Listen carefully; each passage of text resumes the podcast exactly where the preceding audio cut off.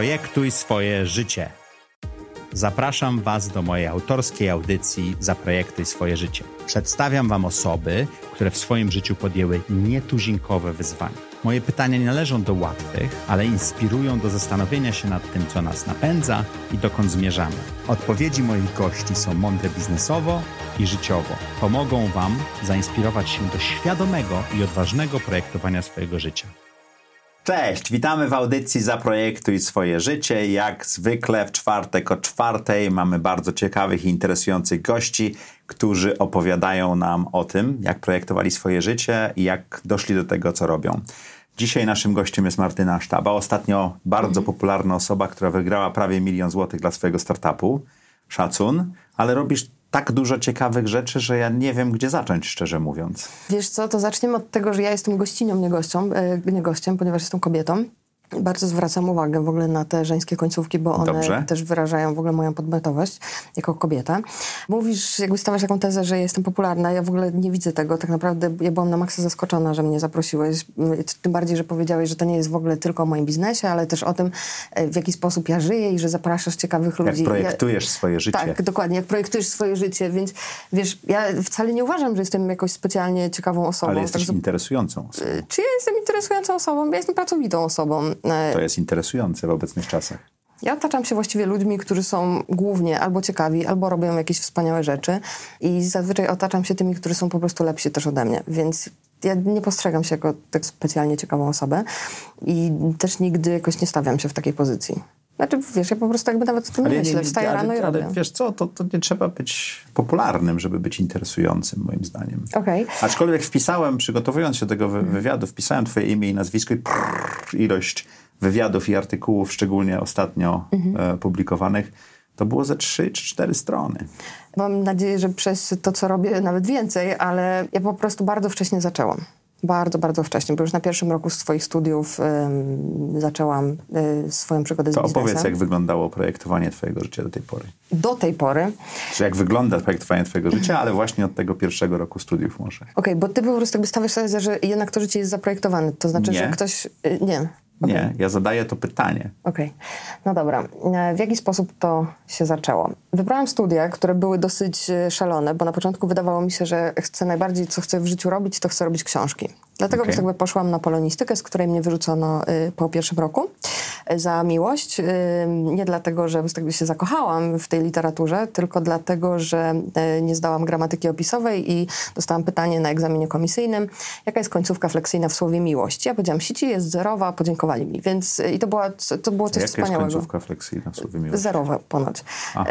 Więc wiesz, dzisiaj chyba nawet nie potrafię powiedzieć, co to jest końcówka fleksyjna. Natomiast faktycznie wyrzucono mnie z polonistyki.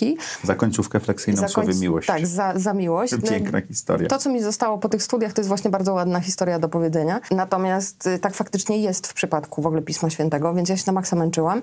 Natomiast to, co jest okej z tymi studiami, to jest właśnie to, że mnie z nich wyrzucono, bo to była naprawdę jakby bardzo Czyli dobra ktoś decyzja. trochę poniekąd zaprojektował twój następny krok. No wiesz co, y, ja sobie go pewnie zaprojektowałam jednak sama, y, nie ucząc się tej gramatyki opisowej i kilku innych przedmiotów. Natomiast całe szczęście wyrzucono mnie z tego i mogłam pójść na historię sztuki, która mnie faktycznie interesowała. Okej. I to były studia, które ja też bardzo, bardzo długo studiowałam. Ja faktycznie, jakby to moje wykształcenie jest y, jakieś takie trójstronne, no bo najpierw to była historia sztuki, potem to była na filmówce w Łodzi e, produkcja filmowa, a potem jeszcze Ale coś na że miałeś pierwszy biznes na pierwszym roku studiów. No właśnie. I na tym pierwszym roku studiów, a przepraszam, na pierwszym roku studiów y, z, y, tak. Historii sztuki. Nie, nie, nie, na polonistyce. To O. było w połowie roku.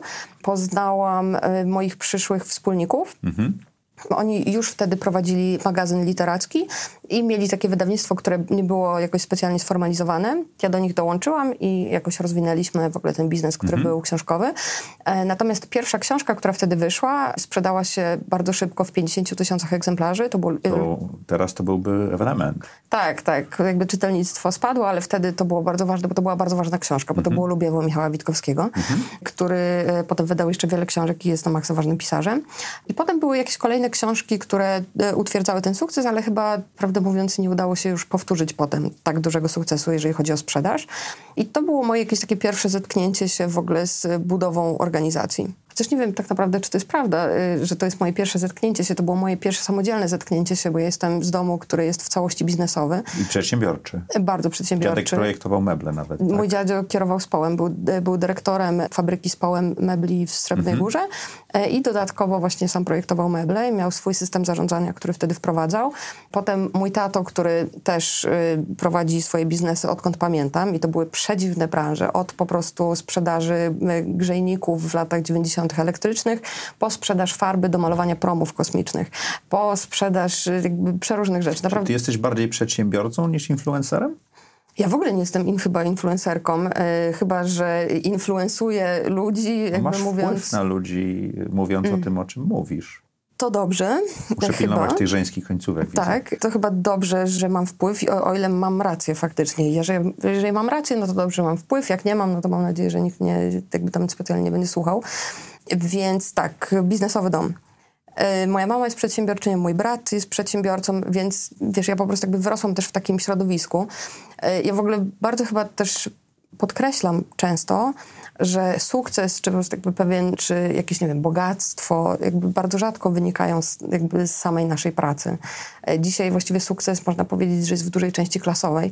To znaczy, jakby rzadko się zdarza, żeby ktoś budował miliardowe fortuny od zera. Jakby to są przypadki, o których słyszymy, dlatego wydaje nam się, że to jest większość, ale to jest nieprawda. Ale i Mark Zuckerberg i Bill Gates pochodzili z bogatych rodzin, które mogły im dać odpowiednią edukację i dostęp, tak? Bo sukces jest klasowy. Tak. Jakby jeżeli wychodzisz z odpowiedniego domu i swój pierwszy milion e, dostajesz od taty, no to potem jest ci łatwiej. Albo od mamy. Albo od mamy, przepraszam, masz rację, miałam na myśli jedną osobę, dlatego tak powiedziałam.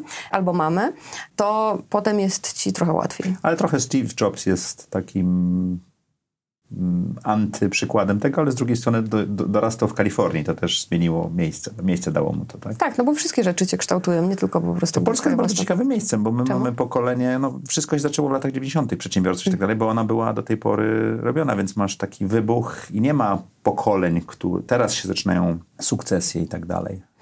No albo właśnie jest problem z sukcesją, bo Też. jednak to młode pokolenie e, jakby wcale nie chce robić takich tradycyjnych biznesów, czy w ogóle nie chce robić biznesu, bo jakby chcą mieć miłe życie, a to jakby nie idzie, znaczy nie jakby, to po prostu nie idzie w parze. Mhm. E, albo idzie bardzo rzadko w parze i niestety jakby narracja w ogóle w mainstreamie jest taka, że bądź przedsiębiorcą, twoje życie będzie wspaniałe, więc jak ja coś takiego słyszę, to myślę, Boże, po prostu oczywiście oszaleli. A ty jesteś przedsiębiorcą, twoje życie nie jest wspaniałe? E, wiesz co, ja jestem przedsiębiorczynią i ja wybrałam, żeby moje życie tak wyglądało, jak jest, natomiast to jest szalenie kosztowne. To nie jest tak, że ja wstaję i po prostu idę do spa. E, prawdę mówiąc, nie widziałam spa już nie wiem kiedy, w każdym razie to było bardzo, bardzo, bardzo dawno okay. temu. Ja po prostu jakby wybrałam, że moje życie po prostu będzie czy, ciężkie. Czy spa jest wspaniałe? Czy spa jest wspaniałe. W sumie, wiesz co, nawet zastanawiam się, czy ja kiedykolwiek byłam w spa. No I właśnie. teraz myślę sobie, tak, byłam raz w Tajlandii, było to chyba 7 lat temu. No bo to definicja wspaniałego jest chyba, yy, zależy od osoby, prawda? Wspaniałości mm. życia. Zależy. Tak, dla mnie wspaniałe są faktycznie chyba inne rzeczy, dlatego pewnie nie chodzę do spa. Wracając do ciebie mm. i mhm. przedsiębiorczości. Jak to wydawnictwo się rozwinęło?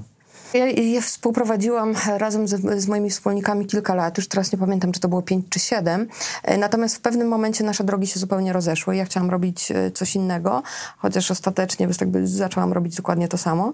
I to była jakaś taka mm, chyba emocjonalna decyzja, nie do końca przemyślana, ale wiesz, e, ja miałam chyba wtedy 20, okej, okay, czyli to było 5 lat, więc ja miałam 23 albo 24 lata, kiedy właśnie odchodziłam z tamtego wydawnictwa i założyłam kolejne. Natomiast to była taka decyzja, którą ja podjęłam w jedną noc, byłam wtedy bardzo młoda i też trochę za dużo rzeczy mi się udało wcześniej, w ciągu tych pięciu lat, dlatego że nasi autorzy wtedy i odbierali paszporty polityki, były nominacje do Nike. A to niedobrze mieć sukces tak duży na początku? Wiesz co, może... To tak zabrzmiało. Tak, bo dla mnie to było ok, dlatego że ja dostałam bęcki y, wtedy i popełniłam wtedy parę jakichś takich właśnie poważnych błędów. Jak Wychodząc z tej, fir- w tej firmy? Nie, wiesz, y, w, w, przez to, że właśnie ten sukces przyszedł dla mnie tak wcześnie i tak wcześnie w ogóle ludzie zaczęli mnie traktować w ogóle jako jakby dorosłą, dojrzałą, odpowiednią czy odpowiedzialną przedsiębiorczynię, kiedy ja jeszcze wtedy trochę chyba nie dorosłam do tej roli, no bo jak masz 23 lata, wiesz, jakby zobacz też, jak to wyglądało. Ja studiowałam dziennie, pracowałam na full time. Wtedy, jak masz 23 lata, no to jednak też trochę imprezujesz. Więc jak dzisiaj patrzę na swoje życie wtedy, to zastanawiam się, kiedy spałam. Nie wiem. Nie było to higieniczne życie. Y, no, nie było to zdrowe, ale też z drugiej strony, wiesz, jak masz tyle lat... To masz tyle energii. To masz tyle energii. To jest niesamowite, bo dzisiaj po prostu już nie jestem w stanie... Jakby jestem w stanie tyle samo pracować, ale nie byłabym w stanie pójść jeszcze raz na studia, ani tyle samo imprezować. Absolutnie. No dobrze, ale jak czytałem twój e, życiorys i te wywiady, które mhm. udzieliłaś, to takie, takie miałem wrażenie, że, że tam jest duże rozproszenie. Okay. Bo TVP Łódź, Wyborcza, Agora, DDB Tribal, nawet Ethereum z e, Trivalco. Teraz masz i proekologiczny podcast, mhm. i firmę, która jest proekologiczna mhm. i tak dalej. Czy to rozproszenie jest u ciebie strategią, ciekawością świata, czy czymś innym? No właśnie bardzo długo wydawało mi się, że to jest moja wada. No bo wszyscy tak jak patrzyli właśnie na moje życie, to mówi, no ty jesteś trochę tutaj, trochę tutaj. I przekonał mnie do tego, co w ogóle, bo to stało się dosyć niedawno, bo to było jakieś dwa lata temu. Spotkałam się z Jackiem Santorskim, który jest wybitnym psychologiem biznesu. No i przyszłam do niego się poradzić, bo musiałam podjąć jakąś ważną e, decyzję. A, a, jednak lubię m, jednak czasem posłuchać e, innego punktu, znaczy nie czasem, po prostu lubię znać też mhm. inny punkt widzenia. I Jacek Santorski powiedział, i właśnie mówię mu, słuchaj, po prostu mam taki problem, z tego robiłam to, robiłam to. Jakby ludzie mi cały czas mówią, że ja w niczym nie jestem ekspertką. I ja nie wiem w sumie, czy mnie to martwi, ale zastanawiam się, czy to jest mhm. normalne, wiesz, czy ja jestem zdrowa, panie doktorze. I e, Jacek Santorski mówi, słuchaj, Coś, co ty myślisz, że jest twoją największą słabością, jest twoją największą siłą to, że jesteś tak elastyczna, że potrafisz przejść, e, wiesz, z Ethereum do sadzy, z Ethereum do opon, e, z wydawnictwa do prowadzenia projektu w Kambodży, zrobienia filmu do bycia redaktorką naczelną magazynu o technologii dla kobiet. To, że potrafisz właściwie po prostu bardzo szybko się przystosować i nabyć pewnych kompetencji, których wcześniej nie miałaś, to jest twoja największa siła. I pomyślałam sobie, mm, okej, okay, to jest moja największa siła, to prawda. I to też po prostu jakby teraz jakoś zaowocowało. Czyli masz takie 360 prawie rozwinięte i jesteś w stanie ten świat tak postrzegać? to e, bardzo ułatwia pewne rzeczy. To znaczy to, że robiłam tyle rzeczy, zbudowało też mój bardzo szeroki network. Więc okay. dzisiaj, jak ja chcę sobie zrobić, nie wiem, film reklamowy, no to nie idę do agencji, tylko dzwonię do konkretnej osoby, o której wiem, że jest najlepsza, jest wybitna. Bo z nią pracowałaś. Bo z nią pracowałam, bo o niej słyszałam, bo e, potrafię, wiesz, przejrzeć na przykład kosztorys takiego filmu reklamowego i, i powiedzieć no i negocjować w miejscach, w których powinien być e, znegocjowany. Albo potrafię sobie sama napisać scenariusz, albo potrafię sobie sama coś wyprodukować, albo potrafię sobie, wiesz, jakby ogarnąć, nie wiem, inwestorów, albo potrafię sobie napisać biznesplan. Wiesz, jakby... Jak ogarniasz sobie inwestorów? Bo to zawsze jest mhm. e, najtrudniejsze w firmach, ja zauważyłem to. Wiesz co, ja podchodzę do wszystkich rzeczy bardzo strategicznie mhm. E, i zawsze na początku robię bardzo duży research. Więc tutaj ta droga była raczej taka klasyczna. Znaczy wydaje mi się, że ona tak wygląda, bo wydaje mi się mhm. najbardziej racjonalna. To jest tak, że najpierw zrobiłam sobie listę wszystkich inwestorów w naszym sektorze, które kiedyś w ogóle tutaj... Funduszy czy tak, osób? Funduszy. funduszy. E, funduszy, bo e, na osoby to jest już trochę... Mm, to było już trochę za późno, a z drugiej strony no my jednak zajmujemy się sadzą i oponami. Nie ma zbyt wielu osób, angeli, którzy, wiesz, jakby a widzą to też są duże marzenia. sumy pieniędzy kapeksowe, prawda? Tak, to są trochę większe sumy, szczególnie na początku, mhm. żeby zacząć. Więc najpierw zrobiłam sobie listę wszystkich funduszy, które mogłyby być zainteresowane i podzieliłam je sobie kategoriami. Czyli jakby najpierw te, które jak pójdzie, to będzie ok, ale to nie jest mój pierwszy wybór. Drugi już bardziej. No i trzeci to są Polskie te, fundusze, które... międzynarodowe fundusze? Nie, jedne i drugie. Okay. Jedne i drugie e, i najpierw poszłam do tych e, właśnie, które jeżeli stracę, to się nic nie stanie. Na zasadzie testu, próby i tak dalej? Wiesz rozgrzewki? Co? Na zasadzie rozgrzewki, ale co jest też najważniejsze, to jest to, że ci ludzie dają ci bardzo konkretny feedback. Tak. I to jest najcenniejsza rzecz, dlatego że oni po prostu jakby są tymi pierwszymi recenzentami, które powie, którzy powiedzą ci, co jest źle w twoim deku, co jest źle w tej prezentacji, albo czego oni oczekują, albo czego jest za mało i tak naprawdę ta informacja o tym, czego nie ma, jest ważniejsza o tym, co tam jest, bo ja wiem, co tam jest, pisałam to, ale chcę usłyszeć, czego tam nie ma. Więc y, ta droga była też bardzo jakaś taka powolna, więc najpierw po prostu jakby kontaktowałam się już z tymi osobami bezpośrednio, nie czekałam na intra, tym bardziej, że miałam też dosyć sporą konwersję, bo y, właściwie chyba 100% osób, do których napisałam bezpośrednio. Obojętnie Chciało się spotkać? Nawet nie spotkać, ale albo mieliśmy kola na Skype'ie, albo się spotkaliśmy, jeżeli to było w Polsce. Albo ale to miałaś interakcję dzięki temu. Tak, 100% konwersji? 100%. Ja wiem, że to jest po prostu bardzo, bardzo rzadkie e, Czyli i właściwie miałaś to jest tak niemożliwe. dobrze napisany e, ten teaser i ten list intencyjny, czy ten Mhm. pomysł jest taki dobry, czy co? To nie były takie chyba klasyczne cold maile. Ja naprawdę jakby szukałam tego punktu zbieżnego. Albo w, e, czegoś w ich portfolio, albo w doświadczeniu tej konkretnej osoby, do Albo której osoby, pisałam. która może zrobić intro? albo czegoś takiego. Wiesz co, dla mnie jakby bardzo ważne było to, żeby nie wysyłać maila na, nie wiem, info.małpafund.com, tylko szukałam bardzo konkretnej osoby, nawet jeżeli to nie był C-level, to bardzo konkretnej osoby, o której wiedziałam, że ona zrozumie temat. Więc może Czyli dlatego... zajęło ci dużo czasu Bardzo. przygotowanie się. Tak, te, ten research e, trwał e, jakieś To ile dobre pieniędzy dwa... zebraliście w tej rundzie? Wiesz co, myśmy jeszcze nie domknęli w ogóle rundy. To ile pieniędzy zbieracie? W tym momencie zbieramy milion euro.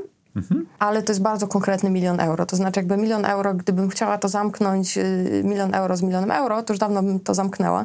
Ale wiesz, y, ja podchodzę do tego w taki sposób, że trafiasz na wybitny pomysł w ciągu swojego życia raz, no może dwa, no góra trzy, no nie wiem. A czasami nigdy. A czasami nigdy. Więc jeżeli już trafiasz na coś, w co na maksa wierzysz i chcesz to robić i to jest dla ciebie najważniejsze w tym momencie twojego życia, w którym jesteś, to chcesz, jeżeli masz już się dzielić tymi udziałami z VC, z funduszem, z kimkolwiek, no To bo chcesz dobrać. to chcesz dobrać kogoś, kto po prostu spędzi z tobą trochę więcej czasu i wniesie jak najwięcej wartości. Więc ja w ogóle nie, my w ogóle nie szukaliśmy jakiegoś takiego jakby zwykłych pieniędzy, szukaliśmy smart money, co jest oczywiste. Ja też wiem, że każdy tak mówi, ale my naprawdę tak robimy. To jest jakby zupełnie e, inna Był rzecz. tutaj Stefan Batory e, parę odcinków temu bardzo i on wyjątkową bardzo też powiedział, jak dobrał sobie fundusze w ostatniej swojej inwestycji w Booksy i te, te, teraz też mają rundę i też tak dobierają. To powiedz, Syntoil, skąd się tam wzięłaś? Sam Syntoil powstał w 2015 roku, natomiast pomysł na to, co będzie robił, y, to było trochę wcześniej.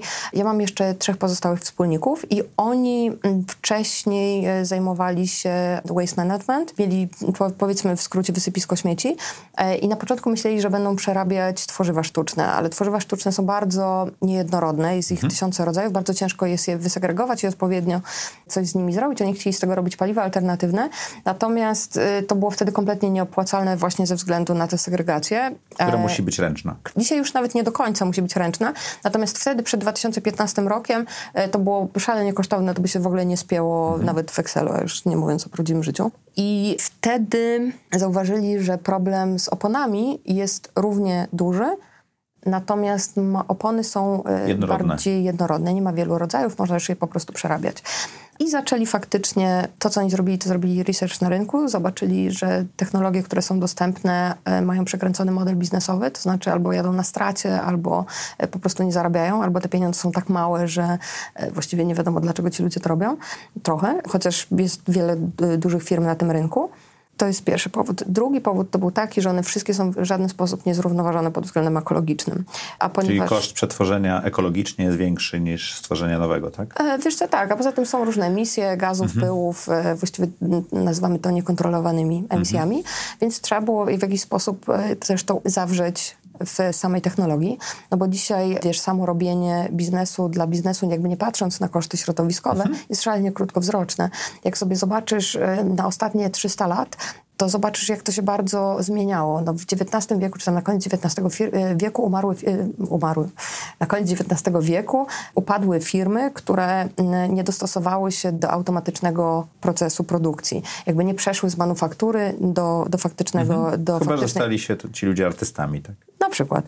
W XX wieku to są firmy, które nie uwierzyły w to, że internet ym, będzie... Komputeryzacja i network, tak? Dla mnie XXI wiek jest o tym, że firmy, które nie będą miały produkcji zrównoważonej pod względem ekologicznym i nie uwzględnią tego impaktu w swoim modelu biznesowym, upadną.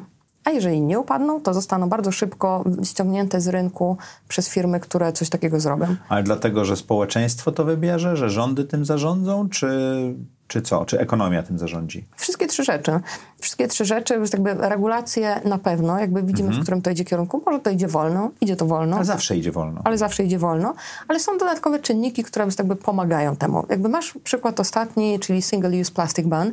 Unia Europejska bardzo szybko w ogóle, bardzo szybko to przeszło przez, przez wszystkie głosowania, no, że w którymś tam roku, chyba 2020 czy 2022, nie będzie można w Europie, w Unii Europejskiej używać jednorazowego plastiku.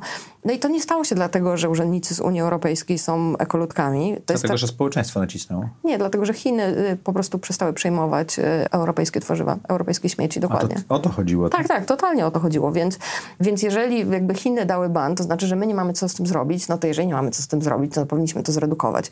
Więc te rzeczy... Czyli to jest ekonomia? Tak, tak, tak. To jest, to jest ekonomia, ale to są też regulacje, to są wojny handlowe, mhm. E, które trzeba jakoś uwzględnić. E, I oczywiście to, że Chiny to zrobiły, są w bardzo konkretnym momencie wojny, którą prowadzą. Znaczy już nie wiadomo, która strona prowadzi tę wojnę, ale e, uczestniczą. No mamy teraz zmianę układu sił na świecie i to tak dużo rzeczy się dzieje. Tak, i to akurat y, pomogło temu, więc y, widzę też taką opcję, że regulacje bardzo na to wpłyną. E, no tym bardziej, że wiesz, no te regulacje nie wynikają z kosmosu. E, mhm. Wracając do Syntoilu. Okay. Skąd się tam wzięłaś? Okej. Okay. Tak naprawdę o tym, co robi cała firma, to wiedziałam od początku, dlatego że jednym ze wspólników jest mój ojciec, który nazywa się Bogdan mhm. Sztaba. No właśnie mamy to samo nazwisko, więc y, są tylko dwie opcje. Ponieważ my jesteśmy taką rodziną, która głównie rozmawia o, o biznesie. Ja zawsze właśnie powtarzam, że święta w naszym domu wyglądają tak, że w Polsce tam rozmawia się o polityce, co tam... Projektor i Excel na ścianie? Tak. Natomiast u nas, wiesz, jakby u mnie w domu jest w ogóle tablica taka duża do pisania markerami. Wszyscy jakby świetnie obsługują Excel i robią tabele przestawne, więc to jest coś, co, w czym wyrośliśmy. Nie znamy innego języka, ani ja, ani mój brat.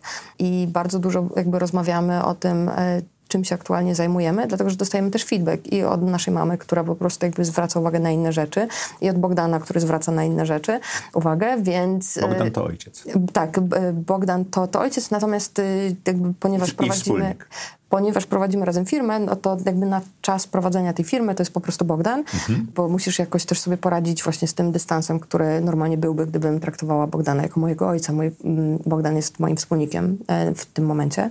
To jest y, jednak pierwszeństwo. No właśnie, więc Bogdan przede wszystkim mówił mi przez cały czas e, o tym, co się tam dzieje w firmie, jakie są kolejne kroki. No i w pewnym momencie ja prowadziłam wtedy inny startup, no i Bogdan zapytał się właśnie, czy bym do nich nie, nie dołączyła, no bo już zakończyli jeden etap, jakby muszą się rozwijać, e, muszą pozyskać inwestorów, no i przede wszystkim e, to, co robią, ma taki impact na świat, że też potrzebują osoby, która to odpowiednio zakomunikuje, więc czy bym nie dołączyła? Czyli to twoje rozproszenie przedtem komunikacyjno-medialno, literackie bardzo to pasowało, tak? Wszystkie te rzeczy, wiesz, do mnie jakoś wróciły. Nawet właśnie to, że robiłam wydawnictwo książkowe, gdzie musiałam zaplanować jakieś, nie wiem, wydatki, mhm. zaplanować kampanię, tak by dogadać się, czy wynegocjować najlepsze warunki z, z dystrybutorami. Wiesz, no wyobraź sobie, że ja miałam 22 lata, jak, nie wiem, jak e, negocjowałam w ogóle warunki z Empikiem. Nikt w ogóle nie wiedział, że ja mam 22 lata, prawdę mówiąc. Nawet była taka historia kiedyś, że jeden z moich dystrybutorów, który był tak koło 40, miał już w ogóle dwójkę albo trójkę dzieci, w pewnym momencie na jakimś spotkaniu mówi, no wiesz Martyna, bo w naszym wieku, i ja mówię, mm?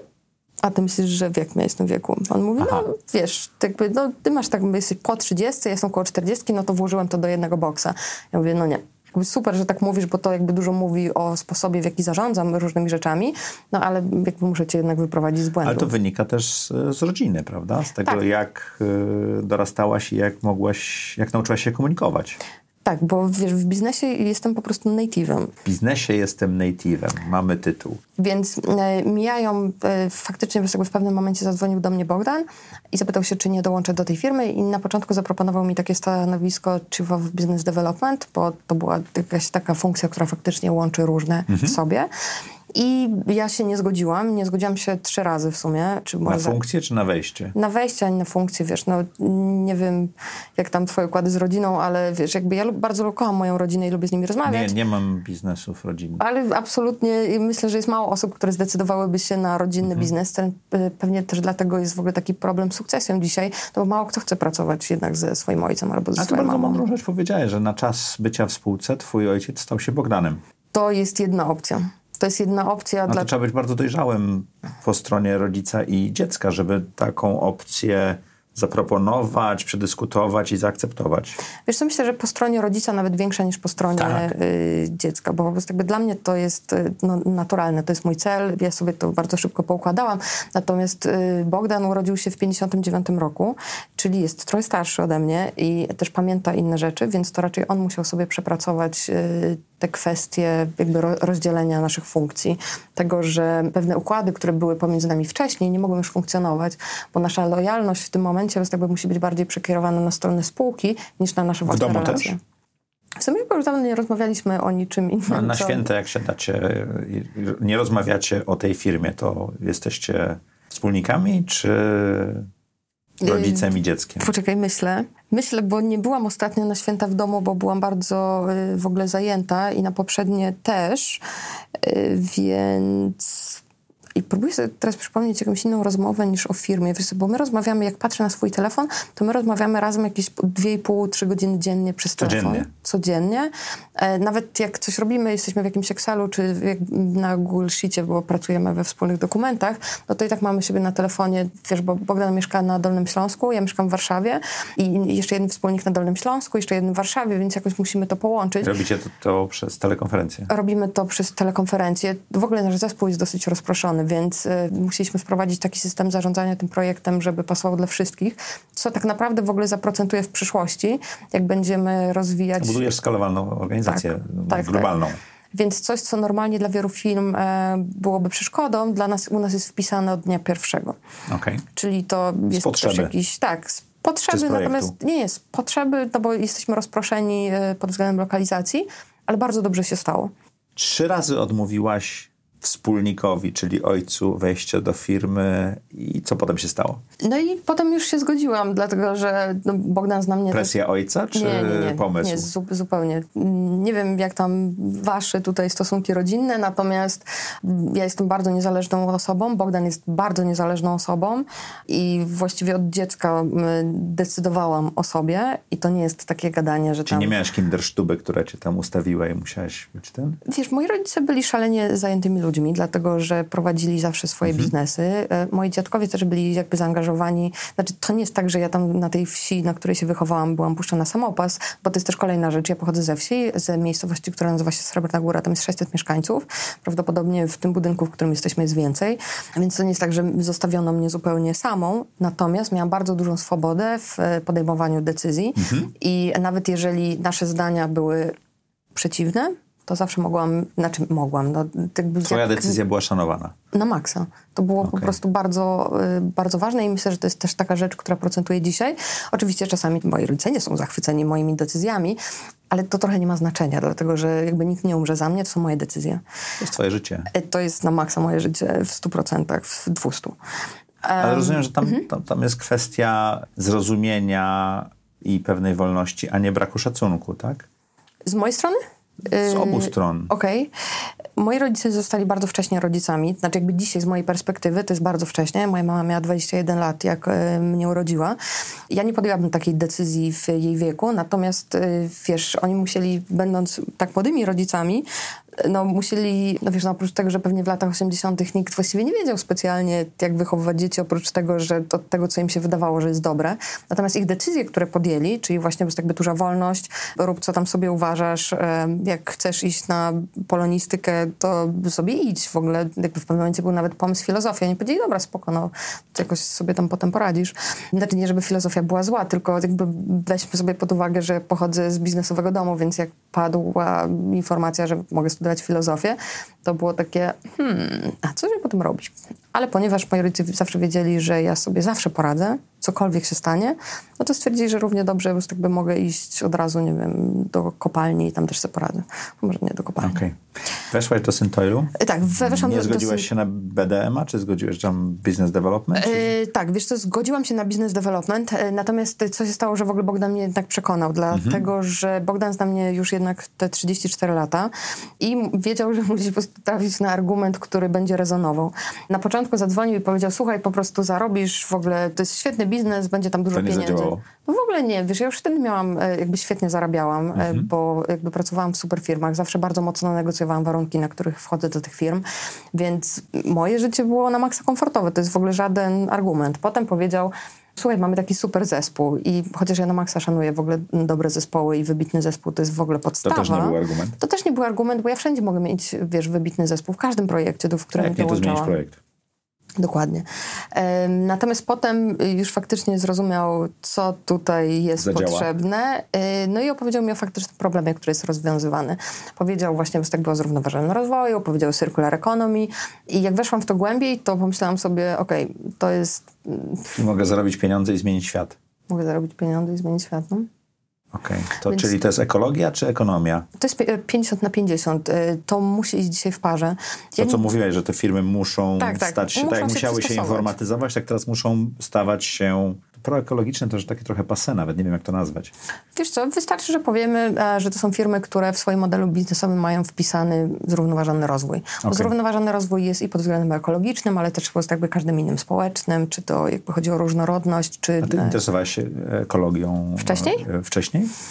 Jakoś tak specjalnie to pewnie byłam na poziomie klasy średniej w Warszawie, czyli Czyli to, to, to, to teraz mówisz, to co teraz się wokół ciebie dzieje Mhm. z podcastem włącznie, wynika raczej z Wiedzy nabytej. Mhm. wiedzy nabytej w, w, przez inwestycje twojego czasu i, i, i energii. Tak, y, ja bardzo dużo w ogóle poświęciłam temu, żeby jak najwięcej się dowiedzieć i wiesz co, ja, Boże, ja się trochę boję, że jestem takim typem prymuski. Że jak już się, że jak już się dorwę do jakiegoś tematu, to To musisz go rozpracować. Tak jak mówiłaś, że te No. listy do VC Tak. e, bardzo rozpracowałaś. Ale słuchaj, mam, mam pytanie dotyczące, no bo wchodzisz do firmy, wnosiłaś jakiś kapitał finansowy? tak, ale bardzo malutki. Dobrze, to jak negocjowałaś swoje udziały? Okej. Jak e, ta rozmowa ze wspólnikami, bo tam jest trzech wspólników, z tego co rozumiem, się odbyła. No, którzy są tam od wielu lat. Mhm. Tak, no bo to oni zainwestowali dużo czasu, energii, pieniędzy, e, zrobili pivot jeden i drugi, aż doszli do chyba trzeciego modelu biznesowego, jeżeli dobrze zrozumiałem. Któregoś. E- Entego. Tak, tego. A w jaki sposób doszłaś do roli CEO w e, Syntoilu?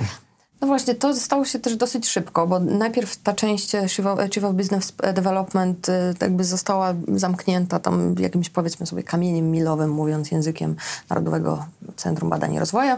Potem musieliśmy renegocjować warunki, ponieważ moje zaangażowanie czasowe było już... e, pff, Na pełen etat. tak, właściwie ono było tak od pierwszego dnia, ale wtedy to już jakby przekroczyłam wszelkie normy. Osobiście uważam, że powinien mnie, powinna mnie skontrolować Państwowa Inspekcja Pracy, tylko mnie i powinniśmy sobie porozmawiać. Oni, chyba to jest ta instytucja, która powinna powiedzieć, Martyna, chyba przesadzasz.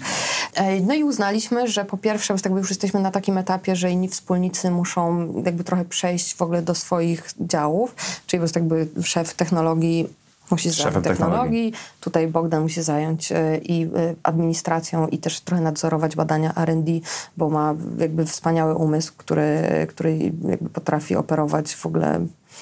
On widzi rozwiązania tam, gdzie nikt ich nie widzi. To jest jakby jego niesamowita A co robi czwarty wspólnik? I czwarty wspólnik e, jest taką osobą bardziej e, biznesową. On jest zaangażowany operacyjnie, natomiast e, faktycznie czasami doradza. No i musieliśmy to jakoś ustrukturyzować, więc ja przeszłam na, na, na stanowisko CEO i, i w taki sposób dzisiaj działamy. Jakby Bogdan to COO, Piotrek I CTO. wygraliście 250 tysięcy euro czy dolarów? Dolarów. Dolarów od Shivas Ventures, Od tak? Shivas Venture, tak. To był całkiem duży projekt, żeby to przeprowadzić, prawda? To ci zajęło kilka miesięcy. Osiem. Osiem miesięcy? Czy było to warte tego? No to było bardzo warto tego, bo tam jest jakby, to się na to składa kilka rzeczy, które tak naprawdę I to jest wygrywasz. grant, to nie jest... e, Ale wiesz to nawet nie jest grant, to jest nagroda, tam jest no strings attached, e, czyli jest jakby to jest non-equity, e, Mhm. to jest po prostu nagroda, którą wydajesz na projekt. To było bardzo skomplikowane i bardzo długie, bo najpierw przechodzisz w ogóle... czy, czy, No? co ciebie, to, to, to można przeczytać o Okej, tym, jak dobra, to przechodziliście spoko. i tak Dobra, dalej. dobra, Ja bym chciał zadać pytania, mhm. które są, nie zadało. Rzeczpospolita, czy ELE, czy ktoś inny. Czego ciebie to nauczyło? Te 8 miesięcy walki z innymi startupami, czy konkurowania, bo to nie walka, z innymi startupami w takim projekcie, który robi Shivas Ventures, firma alkoholowa z wszystkich możliwych. Że Polska jest fajna, a zagranica jeszcze lepsza.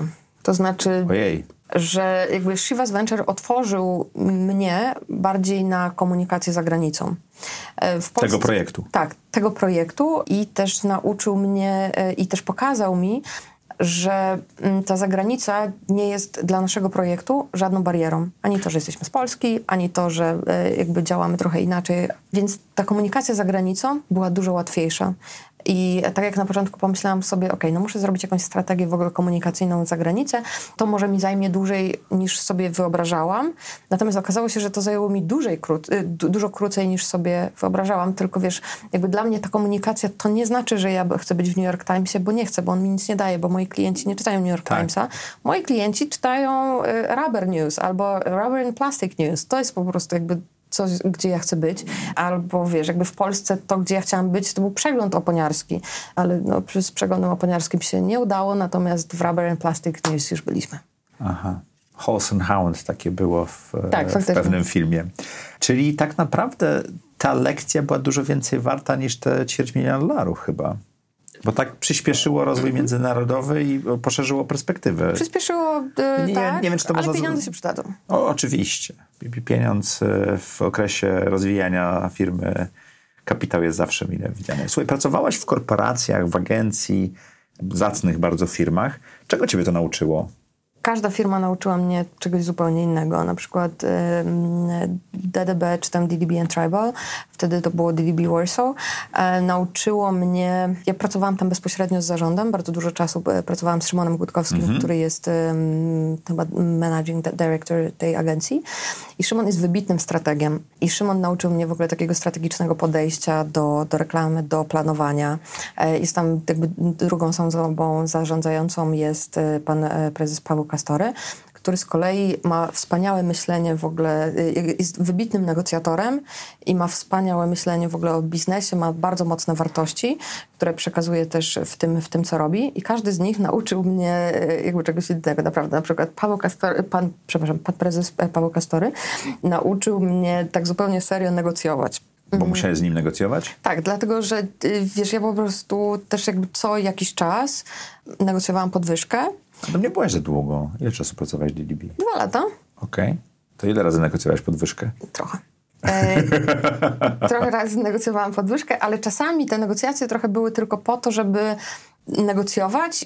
Nawet jeżeli wiedziałam, że, że jej nie dostanę, ponieważ, no wiesz, jak już któryś Co raz... ma przyjemność z negocjacji? Tak, tak. Po prostu negocjacje z e, panem Kastorem są niesamowite.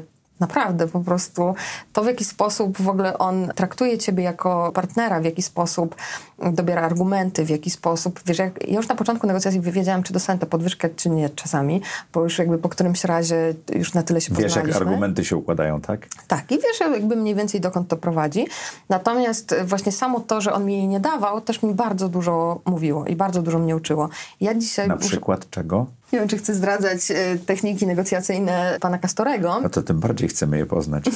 Okej, okay, to, to, to było na przykład jak zbić argument, e, żeby. No bo jednym z takich argumentów, które pracodawcy mówią zazwyczaj, to jest u nas w firmie nie. Mm, obowiązuje siatka płac. Obowiązuje siatka płac. Albo u nas w firmie płace rosną tylko tam w skali 10% do roku. Tylko tyle możesz dostać podwyżki. No więc wiesz, no jak walczyć w ogóle z argumentem, który jest tak uniwersalny, który po prostu jakby możesz dać wszędzie i on właściwie nie zależy od niczego, tylko od jakiejś górnej rzeczy, więc żeby ominąć ten argument, no to jednak chwilę musiałam się nagłowić. Więc, ale to jakby znowu, jakby wracamy do tego strategicznego myślenia, do tego, że ja sobie robię plan, ja sobie robię research, ja sobie dobieram argumenty i wtedy po prostu faktycznie mogłam pójść i coś zaproponować. Dzisiaj już nie pamiętam, co, co to był konkretnie za argument, ale pamiętam, że właśnie jakby te, te nieudane negocjacje dawały mi tak naprawdę jakby naboje do kolejnej. I to czasami wystarczy. Nagrywacie ten podcast w tym studiu. Przedstawił nas Artur Krasiński, który był gościem naszej audycji też. Mhm. Dzięki temu się poznaliśmy, dzięki temu współpracujemy. Po co ci jest ten podcast? Muda Talks. Um, o czym jest, po co jest? Okej, okay. E, Talks założyłyśmy razem z moją e, współprowadzącą i moją najbliższą przyjaciółką e, Anią Piętą i zrobiłyśmy to trochę po to, że e, my i tak się spotykałyśmy tylko w mojej kuchni i gadałyśmy dokładnie o tym samym, tylko że słuchały nas toster i lodówka. Więc stwierdziłyśmy, że to kompletnie bez sensu, że to są takie po prostu puste przebiegi, bo jakby obie Toster i lodówka się nie zekologizują? Nie, nie, zupełnie, zupełnie nie, w ogóle nic z tego nie wyniosły.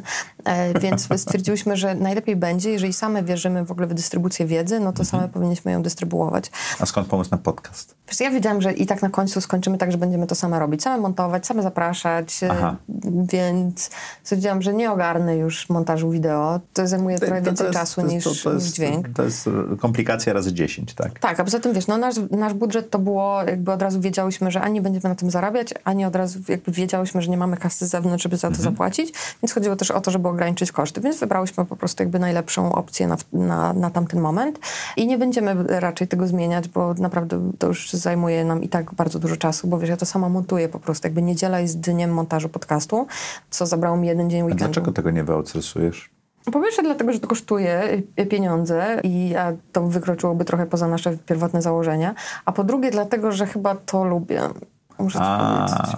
Naprawdę A to, to, to chyba ważniejsze jest to drugie, tak? Tak, bo jak prowadzimy tę rozmowę, to ja nie jestem, jakby jestem skupiona, ale jakby na gości i na prowadzeniu rozmowy, a jednak te rzeczy, które mówią nasi goście Mhm. są y, no, maksa ciekawe i chcę zapamiętać te wszystkie dane i chcę móc używać potem tych argumentów w rozmowie, więc y, lubię sobie tego przesłuchać jeszcze raz. Oczywiście, że mogłabym to zrobić, nie wiem, jadąc na rowerze przez park w słuchawkach, ale tak mam jednak najlepszy dostęp A to do, się do zgodzę z. Tobą absolutnie, bo y, słuchając Ciebie teraz, to będzie zupełnie inne odczucie dla mnie, niż jak będę robił komentarze do montowania i przesłuchiwał to nagranie pierwszy, drugi i trzeci raz. Y, dużo więcej, może nie więcej, dużo inne zasoby wiedzy wyciągam wtedy z takiej rozmowy.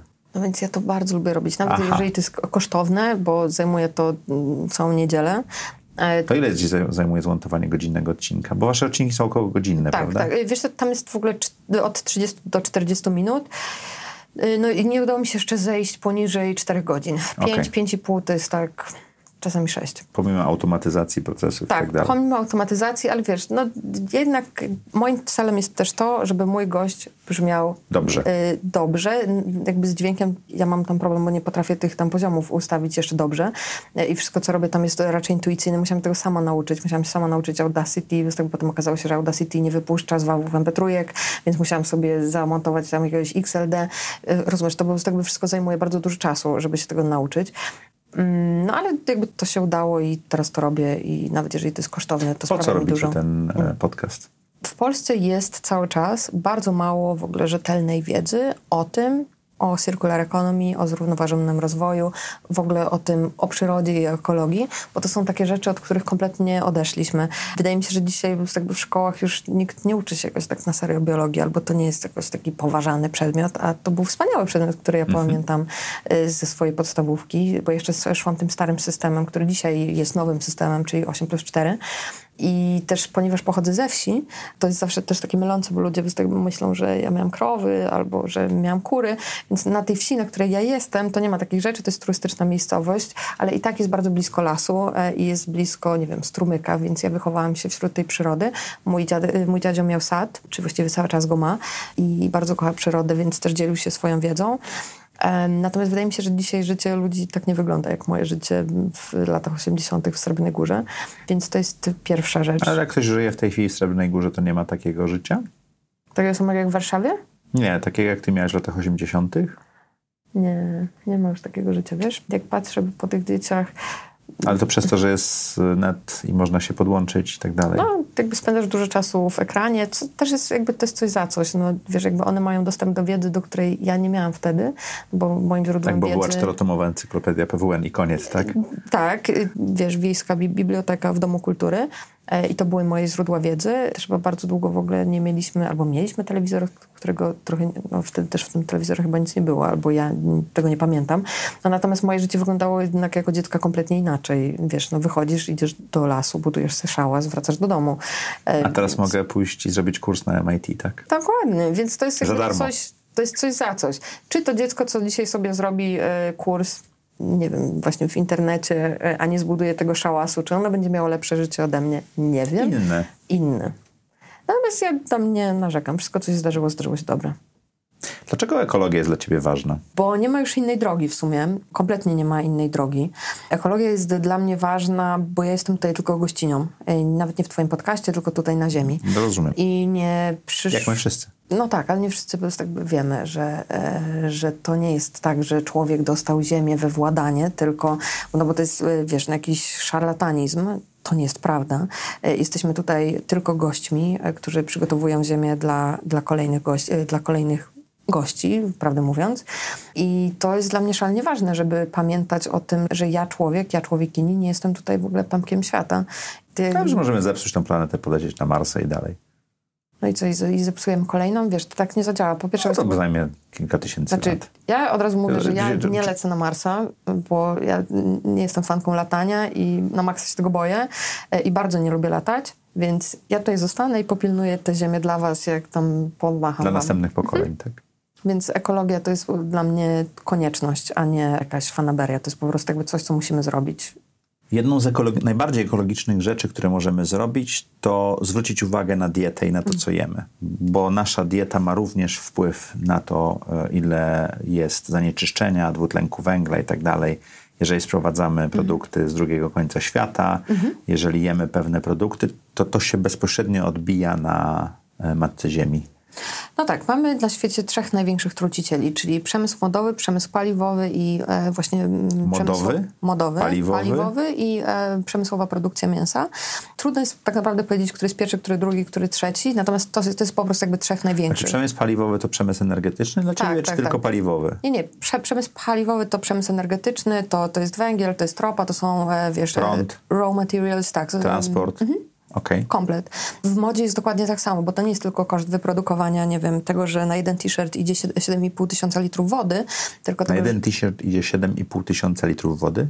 stary, tak wygląda w ogóle to, co nosi. Ja wiem, że jestem stary, dziękuję. Przepraszam cię, ja tak po prostu do... Nie, nie, nie, nie gniewaj się, przepraszam, Ja ja, się nie tak gniewam. faktycznie po prostu... Będzie dobry outtake. To, to znaczy, wiesz, to znaczy, że ja się tutaj już po, tej, e, po tym momencie nagrywania dobrze czuję. To było dlatego, nie gniewaj się.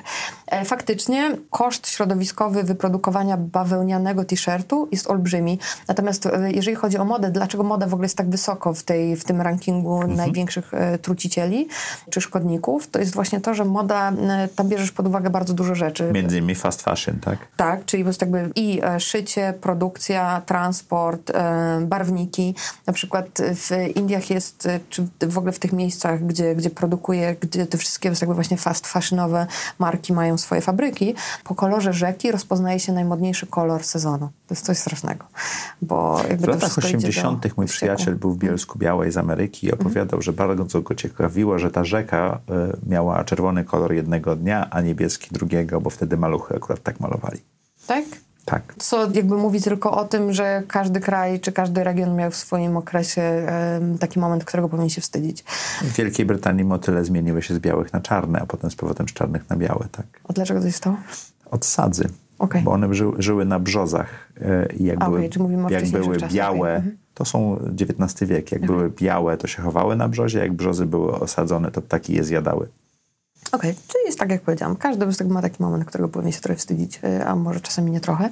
No i jednym z tych największych trucicieli jest właśnie przemysł mięsny. Natomiast tego mięsa, słuchaj, jemy jakoś nieprawdopodobnie dużo. Na przykład statystycznie Polak je 1,5 kg mięsa w tygodniu. To bardzo dużo. Nawet jeżeli sobie weźmiemy pod uwagę, że w Polsce e, prawie 10%, to, e, może przesadzam z 10, wydaje mi się, że to się zatrzymało, jak patrzyłam na to rok temu, na 6-7%. 6-7% Polaków deklaruje, że nie je mięsa. A ty jesz mięso, czy nie jesz Nie, nie, mięsa? ja nie jem mięsa. Zero? Tak, ale nie dlatego, że go nie lubię, tylko dlatego, że wybieram, żeby go nie jeść. Dlatego, że jak byłam dzieckiem, to moją ulubioną potrawą był tatar e, wołowy. I tak jak, nie wiem, dzieci lubią budyń. A jesz ryby? Tak. Nie, ryb też Czyli białek zwierzęcych w ogóle? Czasami jem krewetki, zdarza mi się. Mhm. Czyli jesteś tak zwanym wegetarianinem, czy fleksitarianinem, czy... Jestem wegetarianką. y, Wegetarianką, czasami, przepraszam. y, W porządku, która czasami grzeszy. Krewetkową. Ale dlaczego jest to grzech? To jest, ja, ja uważam, że fleksytarianizm jest jakimś sposobem, czyli to, że ograniczamy spożycie e, Jest białek okej, tak. zwierzęcych, ale nie ograniczamy siebie, czyli robimy to. Jest jakimś rozwiązaniem akceptowanym dla większości społeczeństwa. Tak, to jest absolutnie okej. Wiesz, na przykład bardzo podoba mi się ta idea e, tych bezmięsnych poniedziałków, która jest wprowadzana na całym świecie, że czasami wystarczy po prostu jakby jeden, no wiesz, jakby od czegoś trzeba To zacząć. jest bezmięsny poniedziałek. Ja pierwszy raz o tym tak? słyszę. Tak. Wiesz co, w, i w wielu szkołach, e, Mhm. w, głównie w Stanach, ale też spotkałam się z tym w Azji, e, że w szkołach publicznych, czy w ogóle w szkołach, ponieważ jakby oni też wiedzą, że to mięso jest jakby sporym kosztem e, środowiskowym, no to przynajmniej wprowadzi bezmięsne poniedziałki. Czyli tak, jak w- mamy rybne piątki e, w... tak, tak jak był post w Polsce, albo jest, albo w jakichś konkretnych krajach, tak tutaj są bezmięsne poniedziałki, no i od czegoś trzeba zacząć. Wiesz, że ja też w ogóle przyjmuję tę nomenklaturę i powiedziałam grzech. Oczywiście nie ma czegoś takiego jak grzech, natomiast e, faktycznie mi też czasami zdarzają się, e, mi cze- czasami zdarza mi się błądzić e, i mogę zjeść coś, e, coś właśnie w e, typie krewetki, ale staram się to robić w ogóle jak najrzadziej. A czy wierzysz w e, sztuczne mięso? Produkowane z komórek y, i ten, ale ono jak na razie, ja nie mówię nawet o ekonomicznym, no. bo to kosztuje no. tam, kosztowało setki tysięcy za kilogram w tej chwili mhm. dolarów, kosztuje dziesiątki tysięcy, y, chyba dziesiątki, czy tam setki dolarów okay. w tej chwili za kilogram. Ta cena spada, ale ono również nie jest tak stuprocentowo ekologiczne. Ono jest bardziej ekologiczne niż hodowla bydła, bardziej humanitarne, no ale jednak ten carbon footprint, czyli ilość dwutlenku węgla wyprodukowanego też będzie relatywnie duża. No tak, dlatego te wszystkie fabryki, o których teraz y, pewnie myślisz, y, budują też swoje, y, swoje fabryki w Europie. Jakbym miała pieniądze do inwestycji w tym momencie, to jedna rzecz, w którą bym zainwestowała, to sztuczne mięso i plant-based i namnażanie komórek, co tam ktoś sobie wymyśli. Moim zdaniem nie ma absolutnie Czyli dostarczenie innego... białka i smaku, ale bez całej, całego przemysłu rolniczo rzeźniczo... Rolniczo, rze, rzeźniczego, dokładnie. A co do kosztu, y, wiesz, ostatnio mój znajomy, który jechał do Izraela, powiedział mi, że jedną z tych firm, które produkują sztuczne mięso jest Impossible, mhm. E, ten, chyba to się nazywa Impossible Meat i powiedział mi, jakby wiesz, jak w ogóle drogim krajem jest Izrael, no jest tam mhm. naprawdę ciężko mm, coś kupić, a jedzenie jest szalenie drogie, natomiast opowiedział mi, że właśnie, y, że te burgery Impossible Meat są tam na poziomie falafela czyli naprawdę nieźle. Czyli o. to jest w ogóle jedno z tańszych tam rzeczy, ale też dlatego, że duża część w ogóle izraelskiego społeczeństwa no jakby zrezygnowała właśnie z produktów odzwierzęcych ze względów ekologicznych i też no, zdrowotnych. Skąd wynika popularność e, waszego podcastu Muda Talk? Chyba dlatego, że trochę się obudziliśmy na świecie, e, że wcześniej myśleliśmy tylko tymi kategoriami w ogóle zysku, wzrostu, jakby nie myśląc o konsekwencjach. A dzisiaj widzimy i w dyskusji publicznej, i w ogóle w biznesie, w polityce, wszędzie taki duży zwrot. Zwrot w kierunku tego, e, jak rozwiązać problemy, a nie jakby z powrotem jakby tylko skupiać się na tym, żeby je mnożyć. Więc widzę, że jakby coraz częściej i w prasie, e, i w mediach właśnie wszyscy ludzie mówią już jakby nie o nadchodzącej katastrofie klimatycznej czy ekologicznej. Jakby wszyscy już coraz bardziej zmienili ten jakby tryb z przypuszczającego na, na faktycznie Faktyczny. tutaj obecny. I widzę, że ta popularność naszego podcastu wzrosła zupełnie organicznie. My kompletnie nie... Mm, Żadnej reklamy? Żadnej, zero. Ale macie bardzo ciekawą demografię. To mnie zaskoczyło, ale też bardzo ucieszyło. E, dużo młodych osób i dużo kobiet. Bardzo dużo, słuchaj, ponad 88% to kobiety. Teraz po prostu widzę, że to trochę spadło w ogóle do 80%. Chciałbym teraz... powiedzieć, że mężczyźni wzrośli może. O, okej, okay, okej, okay. faktycznie. mężczyźni wzrośli. Więc mamy 80% kobiet, e, z czego ta największa grupa to jest e, właśnie 16-24, czy może nawet 28. Natomiast to było wspaniałe, bo to, to pokazuje, że... Ale to chyba wynika też z tego pokolenia, że to pokolenie jest bardziej świadome niż te starsze pokolenia i dłużej będzie żyło z konsekwencjami e, to na pewno. zmian ekologicznych. To na pewno, że jeżeli faktycznie będzie katastrofa, znaczy jakby czy faktycznie będzie, jeżeli będzie tak źle, jak klimatolodzy mówią, że, że, że będzie, bo jakby wiemy, że będzie źle, nie wiemy tylko jak bardzo będzie źle. Więc jeżeli będzie aż tak źle, jak oni mówią, że będzie już najgorzej, no to faktycznie, wiesz, nie już wtedy pewnie nie będzie na świecie, no chociaż jeżeli to ma być za 30 lat, no to jednak będę miała też 60 parę, no to, już, to jeszcze będę na świecie długo faktycznie. A jeszcze raz tyle pewno. Tak, pewnie tak, jak znam po prostu swój upór, to tam do seteczki dobijemy, to jakby te osoby najmłodsze dzisiaj, czyli na przykład twoje dzieci, będą mierzyły się z tym, co jest najtrudniejsze. Albo ale myślę, że to, co mówiłaś o tej ekonomii 50 na 50, te proporcje nawet mogą się, ekonomii i ekologii e, mogą się zmienić, prawda? Bo to, to stanie się oczywiste. Wiesz, to nie wierzysz? Nie, nie, nie, coś ty. E, myślę, że jak już dojdziemy do 50, do 50 i utrzymamy to, to będzie okej. Okay. Ja w to nie wierzę, bo po prostu jakby wiem, że, że ludzie po prostu tak nie działają. Przemysł tak nie działa, biznes tak nie działa. ludzie się poczekać. zmieniają. No tak, e, ale nie w trakcie jednego pokolenia. Musimy poczekać nie, ludzie na zmieniają dwa, się z pokolenia na pokolenie. Dokładnie, tak. więc musielibyśmy poczekać jeszcze z dwa może pokolenia, czyli jakby ci dzisiaj, co nas słuchają, ich dzieci jakby to już będą miały we krwi. Ci dzisiaj, którzy nas słuchają, to są ci, którzy jakby wyrastają w tym, ale nabywają nowego języka, jeszcze nie są... To jest to, co powiedziałaś o wyciąganiu z korzeniami rodzinnymi wiedzy i tak. nawyków, tak? To tutaj społeczeństwo też nauczycie proekologicznego spojrzenia. Tak, więc y, dla mnie w ogóle ta demografia jest na maksa ciekawa, bo to też właśnie pokazuje, że jeżeli ktoś trochę uratuje ten świat, znaczy trochę, ktoś kto uratuje ten świat, to będą właśnie tak młode osoby. Prawdopodobnie będą to jednak kobiety, ale wiecie, jakby to nie jest żadna statystyka, jakby nie chcę, żeby Janina Daily pisała do mnie po prostu, szanowna pani Martyno, chciałem tak zauważyć, że pani y, metody tutaj, że pani metodologia nie jest właściwa i pani Janino, ja się totalnie z tego zgadzam z mailem, którego pani nawet do mnie nie napisała. To jest tylko moje przypuszczenie, a nie jakby ja nic nie stymuję jakby tak zupełnie na serio, natomiast tak symbolicznie mogę powiedzieć, że to jest coś, co napawa mnie nadzieją, natomiast to nie była żadna poważna metoda badawcza, którą zastosowałam. Słuchaj, do czego dążysz? Całe szczęście to odpowiedź na to pytanie się zmienia i z wiekiem, i za każdym razem z tym, z tym co robię, więc to nie jest tak, że tak miałam 10 lat i stwierdziłam, będę bogata. Nie. To się bardzo zmienia. Tak jak jeszcze właśnie parę lat temu myślałam, że moim celem jest właśnie to, żeby być maksymalnie bogata i jakby motywacja moja była taka, że chcę być bogata, ponieważ potrafię się dzielić. W znaczeniu potrafię, wiesz, jakby moim celem jeszcze parę lat temu było y, zgromadzenie takiej liczby gotówki, żeby móc założyć fundusz, który będzie faktycznie jakby finansował to, to, co powinno zostać zrobione, a co na przykład nie jest. E, natomiast dzisiaj ta moja motywacja już jest mniej taka nakierowana w ogóle na bogactwo, a dużo bardziej no właśnie, na to takie 50 na 50, czyli po prostu cały czas po prostu Ekonomia, ekologia. Ekonomia, ekologia, no. I też pokazanie, że ta część biznesu, czy ta część przemysłu, to nie jest coś, co jest zarezerwowane, żeby jakby ekologia jest, nie jest zarezerwowana tylko dla NGO-sów, nie jest za, Ale tylko, może być dla przedsiębiorców, tak? I że możesz zawsze to wpisać jakoś do swojego modelu biznesowego. I to chyba jest jakaś taka najważniejsza misja, którą ja dzisiaj mam. To znaczy, żeby pokazać, że te rzeczy się nie wykluczają. Czyli jesteś w latach 70. w Silicon Valley. A oni tak myśleli? Nie, oni myśleli wtedy, że e, stworzą komputery i połączą świat. Całkiem nieźle im to wyszło. Popełnili też trochę błędów. Mam nadzieję, że ja się nauczę w takim razie na ich błędach, a e, jednak sukcesami się podzielimy. Twoja najlepsza życiowa decyzja to?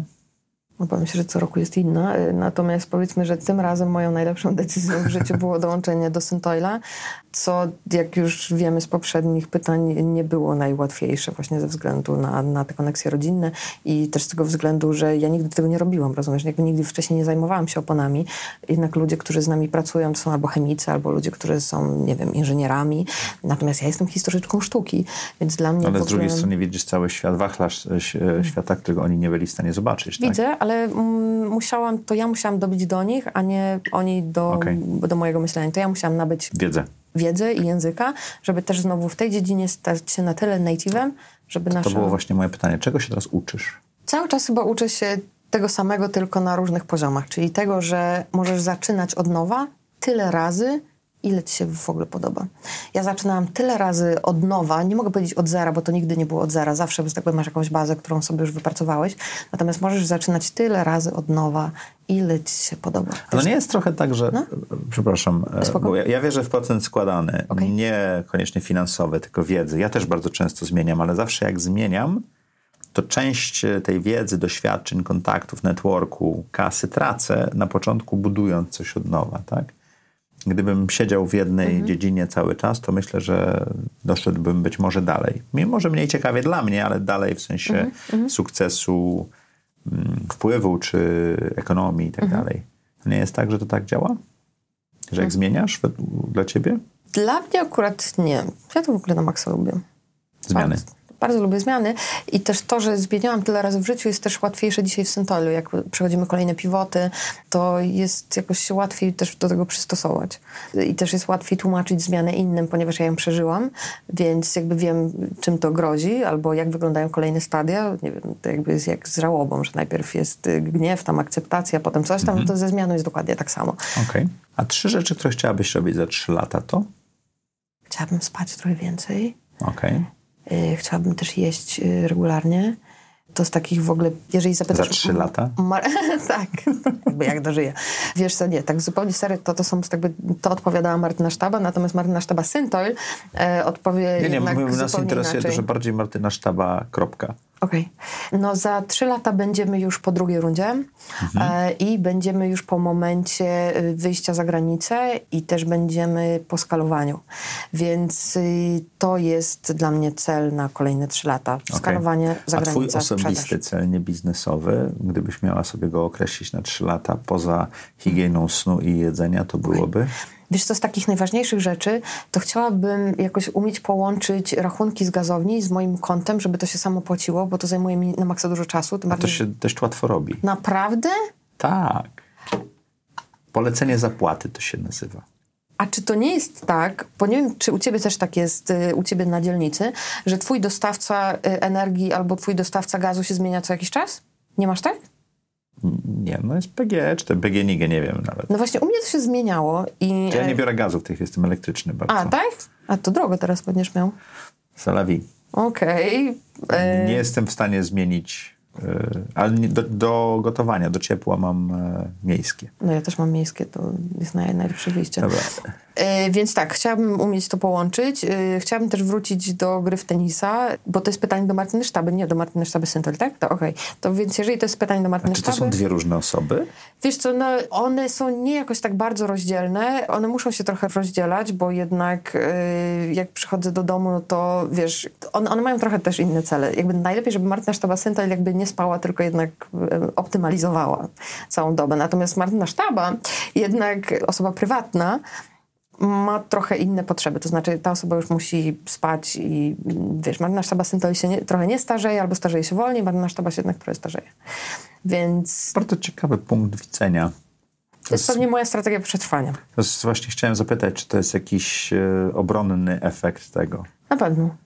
Czyli jest tak dużo do zrobienia, że nie jesteś w stanie czasami sobie z tym poradzić, więc e, Wiesz co, jestem- rozdzielasz osobowości. Tak? I Jezus, mam nadzieję, że tego nie ogląda nas jakiś psychiatra i stwierdzi, hmm, no to ciekawy przypadek. No ja E, mam nadzieję, że nas ogląda i i napisze stwierdzi, ciekawy hmm, komentarz. to- Tak. E, oczywiście nie myślę o tym w taki czas na co, w taki sposób na co dzień. Natomiast teraz jak mnie pytasz, no to widzę po prostu jakby, że, że to są trochę inne cele. Oczywiście, że te dwie Martyny mieszkają w jednym ciele, więc one tam jakoś się komunikują. E, natomiast na taki cięższy czas faktycznie muszę się trochę e, rozdzielić. I teraz mamy taki cięższy czas. Możliwe, Dobrze. że w przyszłości będzie trochę lepiej. Dobrze, mówiłaś dużo o roli kobiet, jak to się zmienia i tak dalej, o końcówkach. Tak. Wolisz pracować z mężczyznami, z kobietami? Czy to nie ma znaczenia? Jak to wygląda?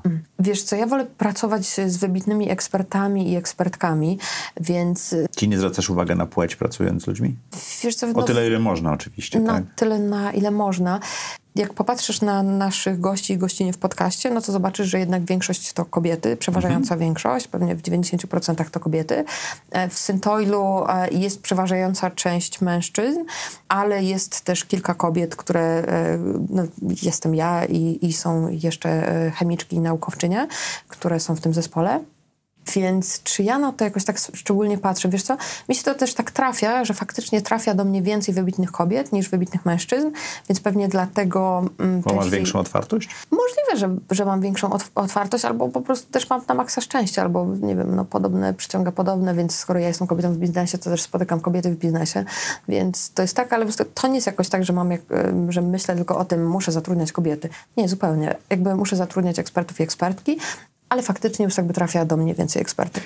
Czy jest coś, co mogłabyś przestać teraz robić, co albo poprawiłoby twoje samopoczucie, albo by po, Mm. pomogło w twoim rozwoju? E, No nie wiem, czy pomogłoby w moim rozwoju, ale na pewno poprawiłoby moje zdrowie to, że przestałabym palić papierosy. Okej. To nawet nie jest to, że ja je palę, ja je podgrzewam, ponieważ już jakby teraz już dzisiaj się nie pali papierosów, dzisiaj się podgrzewa tytoń, więc to jest to, co ja robię. I faktycznie mogłabym trochę przestać to robić. Ale czytałam ostatnio też o takiej teorii, dlaczego w ogóle ludzie palą i to było ciekawe. Usłyszałam to w jakimś podcaście, gdzie właśnie też znowu Jacek Santorski się wypowiadał. E, I on z kolei sam kiedyś trafił na, na taką analizę, że palą osoby, które na przykład mają trochę problem z oddychaniem, ale nie taki problem, że mają astmę, tylko taki problem, że na przykład są tak skupione na jakiejś rzeczy, że bardzo rzadko oddychają i potrzebują jakiejś dodatkowej motywacji w postaci, na, przykład jak się stresujesz, no to oddychasz mniej, twoja klatka piersiowa się zamyka i tak dalej, więc te osoby już jakby palą po to, żeby w ogóle oddychać. Oczywiście bardzo Ja jest. również mam naście wytłumaczeń, dlaczego mam nadwagę. Więc y, masz, y, nie chcę powiedzieć, Ale ma... przepraszam, tutaj chciałem powiedzieć Mhm. coś trochę um, naukowo złośliwo, złośliwego. Jednym z największych źródeł zanieczyszczeń na świecie, szczególnie zanieczyszczenia oceanów, są filtry od papierosów. I to palonych i podgrzewanych. I know, I know. Słuchaj, no nie nikt nie wymyślił, co z nimi zrobić i tak dalej. No właśnie, to jest, najgorsze jest to, że to jest taki nauk, którego no nie da się obronić, więc ja tutaj mogę gadać o Nie, klatce nie, nie, nie atakuję cię o ten nauk, ale to bardzo ciekawe. Jaką masz supermoc? Wiesz co, dobieranie odpowiednich argumentów y, w odpowiednich miejscach. Na przykład w negocjacjach. Na przykład w negocjacjach, to jest pierwsza. Druga to jest y, niekończący się research, co jest w ogóle dosyć zabawne, bo dzwonił ostatnio do mnie mm, parę miesięcy temu Puls Biznesu, który chciał zrobić wywiad. E, No i zadzwonili i powiedzieli, no, że chcemy tak porozmawiać o pani pasji. Myślę sobie, ale o pracy chcecie porozmawiać? I mówią, no nie, no właśnie, nie wiem, czy pani na przykład nurkuje, albo czy pani jeździ na rowerze, albo biega w maratonach. Ja pomyślałam sobie, słuchajcie, to ja potrzebuję w ogóle momentu, ponieważ jakby nie potrafię Moja sobie... praca jest moim hobby. Ponieważ nie potrafię sobie tego w ogóle wyjaśnić, jakby w ogóle przypomnieć, co jest tą moją pasją. No i zrobiłam ankietę wśród znajomych i zapytałam się, dobra, słuchajcie, jest jedno pytanie, co waszym zdaniem jest moją pasją? I każda z tych osób odpowiedziała, że to jest research. Że y, po prostu moją pasją jest to, że ja non-stop researchuję rzeczy, oglądam, nie wiem, podwodne życie na Instagramie. I Ale research celem poznania i wiedzy, czy research celem researchu i udowodnienia sobie, że wiesz najwięcej w tym obszarze? Czy... O nie, to w ogóle, to, to, to drugie to, to nie, bo to nigdy tak nie jest. Zawsze jest ktoś, kto po prostu jakby wie trochę więcej od ciebie. Natomiast ta pierwsza rzecz to jest jakby research dla, dla researchu, jakby research dla wiedzy. Po to jakby jesteś w stanie zbudować dobre argumenty tylko wtedy, jeżeli znasz jeżeli potrafiłeś podważyć go na tysiąc sposobów i się nie udało, więc wiesz, że to jest dobry argument. Więc Okay. ja w taki sposób y, jednak researchuję. Natomiast Czyli nie Occam's Razor, czyli najprostsze rozwiązanie, ale raczej totalne... e, Tak, ja tak zawsze robię, wiesz, po prostu jakby przed każdą jakąś taką większą decyzją rozpisuję sobie cały model, co się stanie jakby, albo jak, w jaki sposób ktoś to może podważyć i staram się po prostu jakby znaleźć jednak te argumenty już potem do dyskusji i zawsze się do nich szykuję mimo wszystko. U ciebie się trochę nie przygotowałam, bo nie pokazałeś mi pytań, ale Ale ja to gdybyś... zrobiłem trochę specjalnie. Okej, wiesz, może i słusznie, może i słusznie Tak, tak. zrobiłeś. Bo miałabyś bardzo duży research i, i byłyby to bardzo mm, przygotowane odpowiedzi, a chciałem poznać Tak by e, Martynę Sztabę kropka, a nie Martynę Sztabę Image PR. Tak, tak, właśnie by było, bardzo dobrze zrobiłeś. Natomiast feedback e, z Pulsu Biznesu był taki, no ale jak my sfotografujemy research? Bardzo słuszne pytanie. A z drugiej strony, ja też jakby Ja mówiąc... przed komputerem i milion ekranów, tak? A z drugiej strony, wiesz, jakby ja też wiem, że taka rzecz jak research, jak mówisz ludziom, że pasjonuje się researchem, no to ludzie myślą na przyjęciu, okej, to może jednak z nią nie porozmawiam. Więc... Ale to nie wszyscy ludzie. Myślę, że interesujący ludzie porozmawiają. A propos ludzi. Okej. Seth Godin powiedział, że kim się otaczasz określa to, czym, o czym marzysz i z czym się zderzasz. A zderzenia i marzenia prowadzą do zmian. A zmiany są tym, czym, kim się stajesz. Tak? Czyli jak chcesz zmienić efekt tego, to zmieniasz swój krąg. Ten twój krąg, najbliższych tobie pięć osób, które ma na ciebie wpływ, to No w tym momencie obawiam się, że właśnie jest to, e, jest to Bogdan, z którym mam naj, e, najczęstszy kontakt. Tak, i tak, życiowo, i biznesowo. E, No teraz to już właściwie tylko, tylko biznesowo, ale tak. To na pewno będzie pierwsza osoba. No, druga osoba to Ania Pięta, z którą prowadzę podcast, więc y, rozmawiam z nią tak samo codziennie. Poza tym mieszka 200 metrów ode mnie na Saskiej Kępie, więc y, jemy razem. To byłyby dwie jakieś takie główne osoby. E, Natomiast z pozostałą trójką, wydaje mi się, że pozostała trójka jest... jest wymienna w sumie. Wiesz co, nie chcę powiedzieć, że ja jestem dosyć nietypową osobą, ale ja jestem osobą, która ma szalenie duży network e, i szalenie dużo znajomych. Tak jak, nie wiem, jak na Czyli przykład... dobierasz te kręgi tak, jak je potrzebujesz? Tak, e, tylko nie w taki instrumentalny sposób, e, w, żaden instrumentalny sposób. I tej wersji się trzymajmy. Tylko raczej to, że ja po prostu znam bardzo dużo ludzi Okej. z bardzo różnych dziedzin.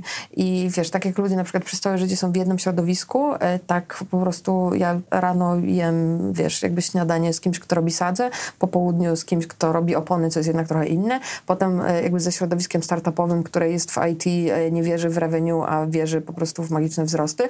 Chociaż to nie ma być złośliwe, nie wiem dlaczego to powiedziałam, bo jakby nie chciałam nikogo obrazić. To jest bardzo dobrze opisujące niektóre startupy i Okej. niektóre pomysły. Potem piję kawę z ekologami czy coś, a na końcu z tym mam Skype'a ym, z kimś, kto, nie wiem, robi sztuczne mięso w Stanach, więc to jest bardzo, bardzo, bardzo są szerokie te, te, te dziedziny, więc ja nie mam stałych pięciu osób, ale faktycznie te dwie, które wymieniłam, to jakby widzę w iPhone'ie po połączeniach, że to są moje dwa najczęstsze, y, najczęstsze Często o tym kontakty. mówisz, mierzysz te rzeczy, które robisz w iPhone'ie. No. Masz tą aplikację, która ci mówi, ile Mam. patrzysz, z kim rozmawiasz. Nie powiem ci już jakby jak to Statystyki mnie... były przerażające, tak? Tak, tak. Ba- bardzo dużo, no bo to jest też połączone z moim laptopem, przecież z moim Maciem, więc y, jak oglądam to raz w tygodniu, to myślę sobie, pff, Ale oglądasz to raz w tygodniu, Mm. wyciągasz jakieś wnioski i coś zmieniasz, czy nie? No staram się nie przerażać, prawdę mówiąc. Jedyny wniosek, jaki z tego wszystkiego wyciągam, to jest, muszę trochę jakby wydłużyć jednak okres spania. Ale wiesz, z drugiej strony mm, ja po prostu bardzo kocham życie. Jestem na maksa zajara- zajarana życiem. Jakby to jest w ogóle najwspanialsza rzecz, jaka mi się przytrafiła, to jest to, że w ogóle żyję. Więc jakoś lubię tu czerpać jak najwięcej. I ciężko jest mi sobie odpuścić różne To rzeczy. jest ten moment, kiedy widzimy prawdziwą Martynę przed kamerami. No bo Aż ci się mimika twarzy tak? zmieniła. No, tak. bo, no bo jestem na maksa zajarana takimi rzeczami. No wiesz, jakby kocham żyć, y, uwielbiam swoją pracę, a z drugiej strony wiem, że jakby ludzie nie do końca lubią też takie osoby, no bo jednak ym, Jesteś monotematyczna. no jestem trochę monotematyczna. Moi znajomi zawsze mówią, że jak byłam dzieckiem, to wpadłam do kociołka Obelixa i z jakimś napojem szczęśliwości, bo wiesz, ja wstaję rano i widzę po prostu zawsze łąkę i widzę prostu jakby wspaniałe rzeczy i zawsze nawet jak trafiam na złą osobę, to widzę w niej coś, co może nawet nie jest najgorsze, albo widzę przyczynę, dla której ona jest taka. Taka, jaka jest. Taka, jaka jest, no. I to mi czasami wystarcza. Książka, która? Książka, którą bym poleciła, Nie wiem. Wiesz co, yy, najchętniej to co tydzień nową bym, bym, bym polecała, no bo nie ma takiej jednej książki, która w ogóle jest Biblią i do której wracam i, i się tam modlę. Ale może jest książka, która wywarła na tobie wrażenie? No właśnie, co tydzień inna. E, Aha. Wiesz co, teraz akurat byłam ostatnio na Czy, wakacjach. czytasz książkę co tydzień? Tak, a jak jej nie czytam, to przynajmniej sobie prostu jakby ją przeglądam i czasami to wystarczy, bo czasami w książkach wystarczy ją przejrzeć. Nie wszystkie książki są wybitne. Teraz na wakacjach czytałam akurat nową książkę Elbeka, czyli Serotonina, ale to jest... e, Wiesz, to jest taka rozrywka. Ja w ogóle bardzo mało czytam non-fiction, czyli bardzo mało czytam prozy. Czytam dużo więcej książek, które, które właśnie dostarczają mi argumentów, danych Wiedzy. i tak dalej. Tak, ale jak już jadę na wakacje, i to były moje pierwsze wakacje od e, trzech lat tak naprawdę, to stwierdziłam, że okej, mogę przeczytać powieść. Nic się tam złego nie stanie. Co chciałabyś, żeby nasi słuchacze i widzowie zapamiętali z tej rozmowy? Żeby się nie bali różnych rzeczy. To byłoby super. Jeżeli ludzie, bo wydaje mi się, że ludzi bardzo stopuje przed różnymi decyzjami, jakby strach przed tym, co będzie, albo strach przed tym, co utracą.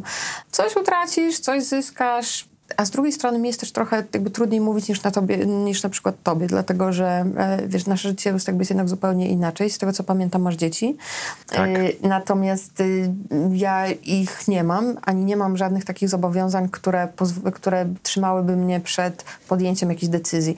Więc y, Czyli łatwość zmiany wynika też z Łatwość e, prostoty y, życia, tak? Prostoty w sensie nieskomplikowania sobie go. Z tego, że wybrałam, żeby ono takie było, tak, dokładnie A, tak. czyli zaprojektowałaś swoje życie. Wiesz co, czy ja zaprojektowałam swoje życie? Ja po prostu jakby Jeżeli wybieram... wybrałaś, to zaprojektowałaś. Okej, No dobra, Nie? masz rację.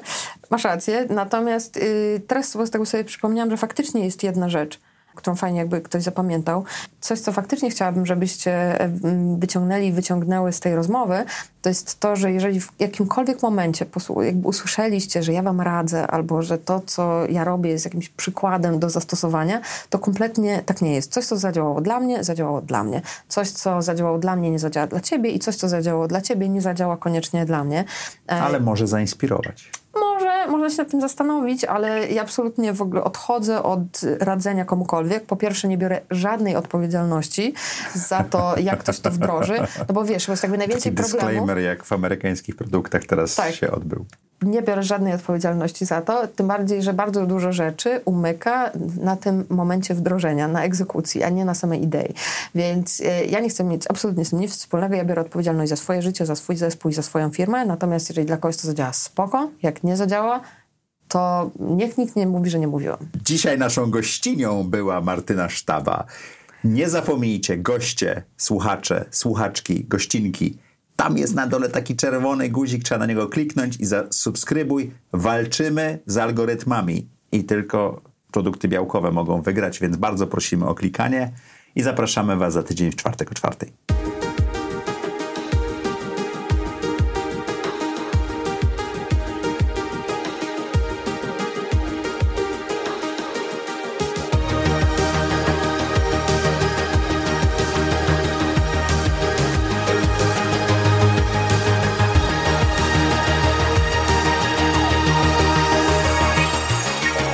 Zaprojektuj swoje życie.